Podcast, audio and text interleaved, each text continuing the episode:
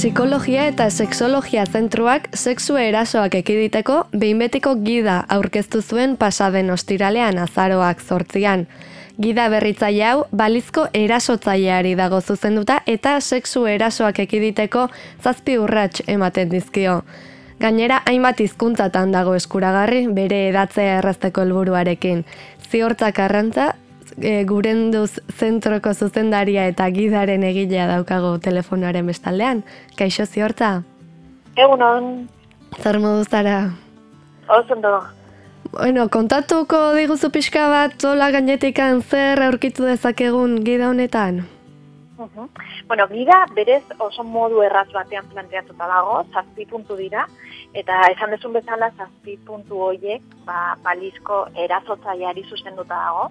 Orduan, zazpi puntu horietan azkenean begira daur jarrita dago, zer egin dezaketen haiek e, ez erasotzeko, azkenean hori da helburua nola lortu dezakete, erasotzeko dezira hori baldin badau, ba, haiek izateko eskuragarri, ba, ba, modu desberdin batzuk ekitu izateko eraspa.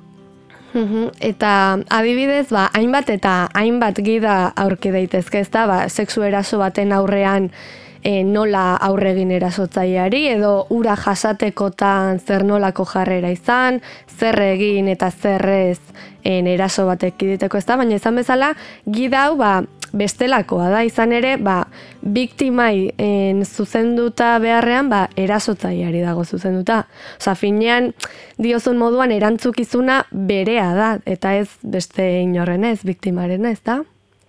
Hori da, ze azkenia, oain arte, ba, ikusten genituen bida guztitan, ba, erantzukizun hori emakometan, zeonez, eta eta horren gero dauka eragin bat, e, e, eraso sexual bat bizitzen dutenean, bazkenean hor daunden biktima horiek, gero sentitzen dutena, da e, momenturen batean el, ez dutela lortu ekitea edo arduraren bat daukatela eraso sexual horretan. Ez? Eta orduan, begirada aldaketa honekin, azkenean e, jartzen duguna fokua hor dao.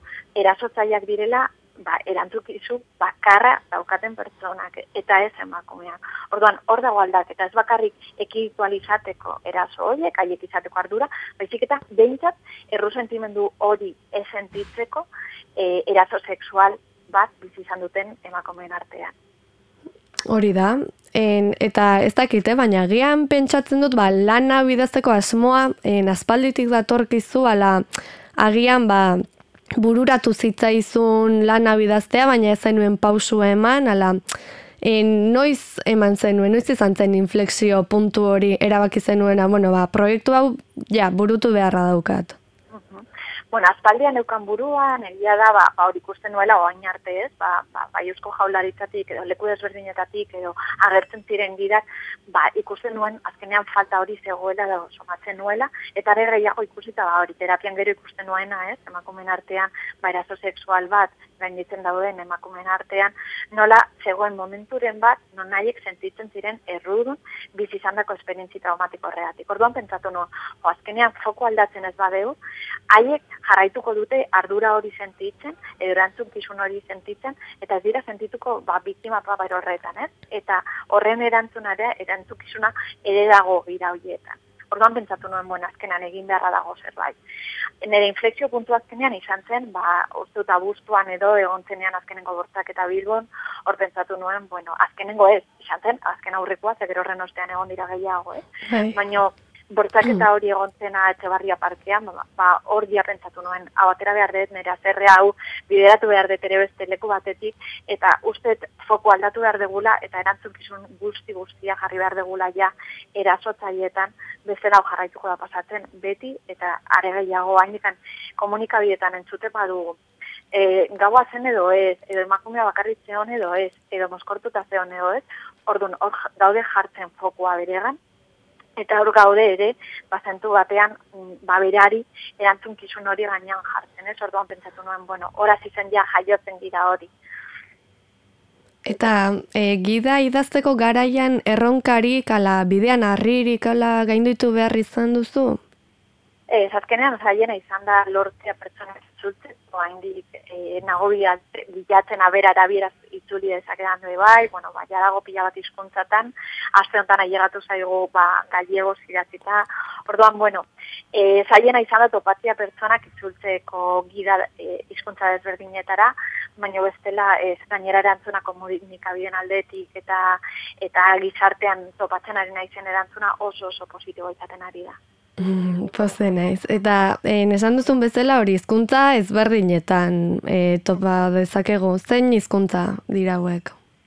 Bueno, aurreneko hirurak izan zen ba, euskera, zerderaz eta kataleaniera, dio ingelesatea zen, frantsesa, alemana, e, italian, italianera, portuguesa, eta, eta oi, dira guztiak eta orain gaiego zera daukeu.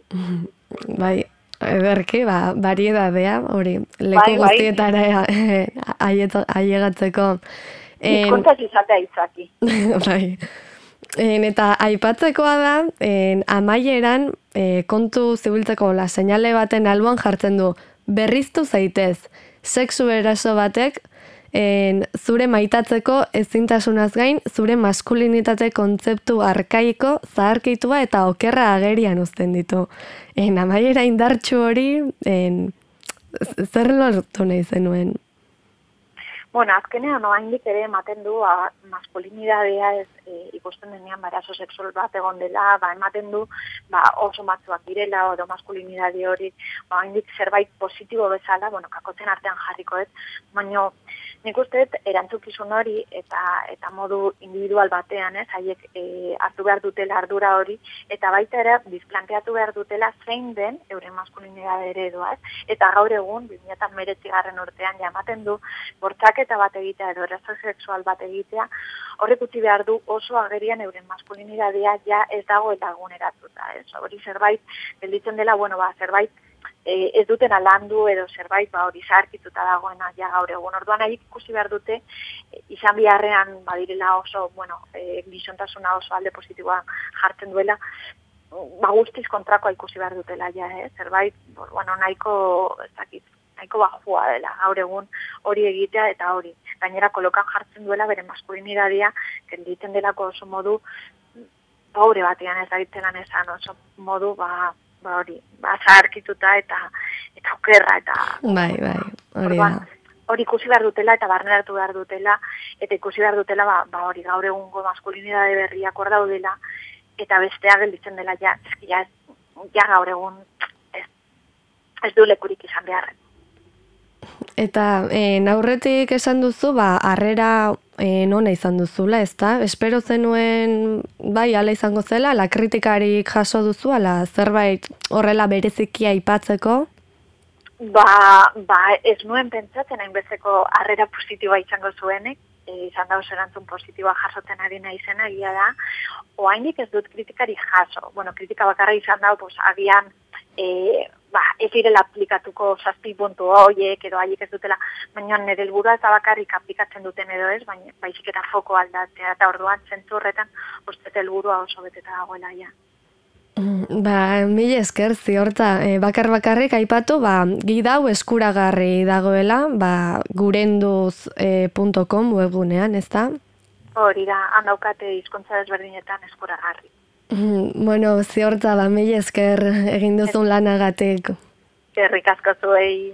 Bueno, beste bat arte. Agor. Beste bat arte, larraiz. Bai. Agur.